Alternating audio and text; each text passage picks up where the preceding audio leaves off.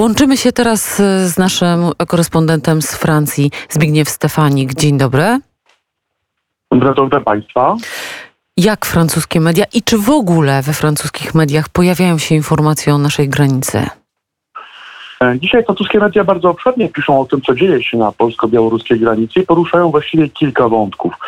E, z jednej strony mówią o tym, e, iż sześć lat temu, podobnie jak obecnie na granicy polsko-białoruskiej, miały miejsce inne, podobne zdarzenia na innych granicach europejskich. Wówczas obecnie rządzący Polską czy też obecna opcja rządząca Polską nie wyraziła żadnej formy solidarności z państwami europejskimi. Wręcz przeciwnie, krytykowała te państwa za ówczesnych rządzących zdaniem, E, zbyt łagodną politykę wobec migracji. Tak więc e, e, media francuskie mówią o tym, że dzisiaj Polska potrzebuje pomocy.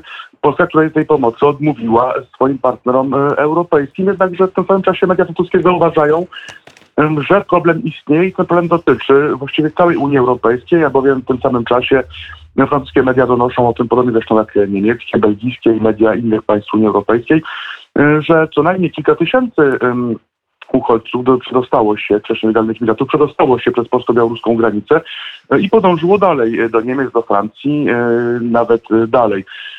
Tak więc problem z punktu widzenia mediów francuskich istnieje. Jednakże media francuskie mówią również o chaosie, który panuje na granicy polsko-białoruskiej. Wręcz wskazując, o czym zresztą już mówili reporterzy bez granic, na względy humanitarne, jak również na kwestie praw człowieka, a przypominamy, iż pra prawa człowieka to również prawo do informowania, prawo do rzetelnego informowania o tym, co dzieje się na granicy.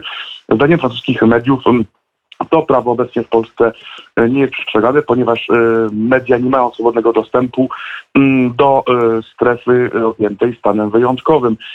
Co zdaniem mediów francuskich no nie jest zgodne z swobodnym funkcjonowaniem dziennikarstwa w demokratycznym państwie, jak również pytanie, czy jest to zgodne z prawami człowieka. Mm, wreszcie kwestie humanitarne, o tym również mówią organizacje humanitarne, NGOs, iż nie ma swobodnego dostępu do tej strefy, E, co powoduje, iż nie można nieść e, skutecznej pomocy e, humanitarnej tym uchodźcom.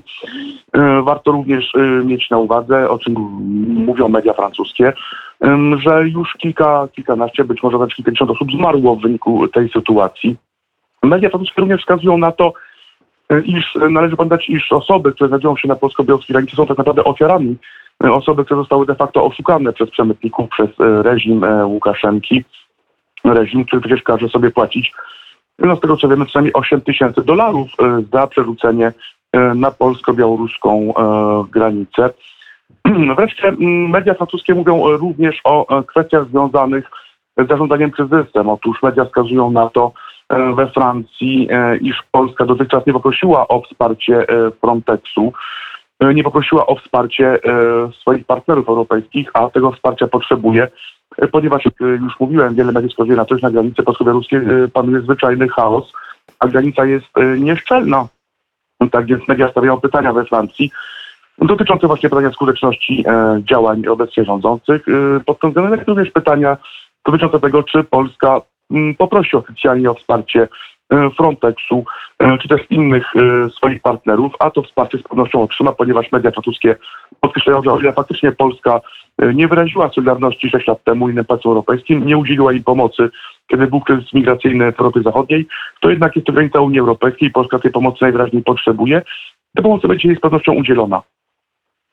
I to jest, e, to jest ta informacja, mm, myślę, że godzinę temu Łukasz Jankowski rozmawiał z Andrzejem e, Potockim, dziennikarzem w sieci. I tam padło takie stwierdzenie, że właściwie to powinniśmy spróbować jednak e, dogadać się z Francją, chociażby w kontekście tego, że Francuzi też nie znoszą Erdogana i jakoś, znaczy też, przepraszam, to nie było to stwierdzenie, Francuzi nie przepadają za Erdoganem i tutaj wspólne interesy mogłyby nas zbliżyć, ale o tym, o tym nie nam wydaje rokować. Bardzo serdecznie dziękuję. Zbigniew Stefanik był, e, był gościem magazynu wnet.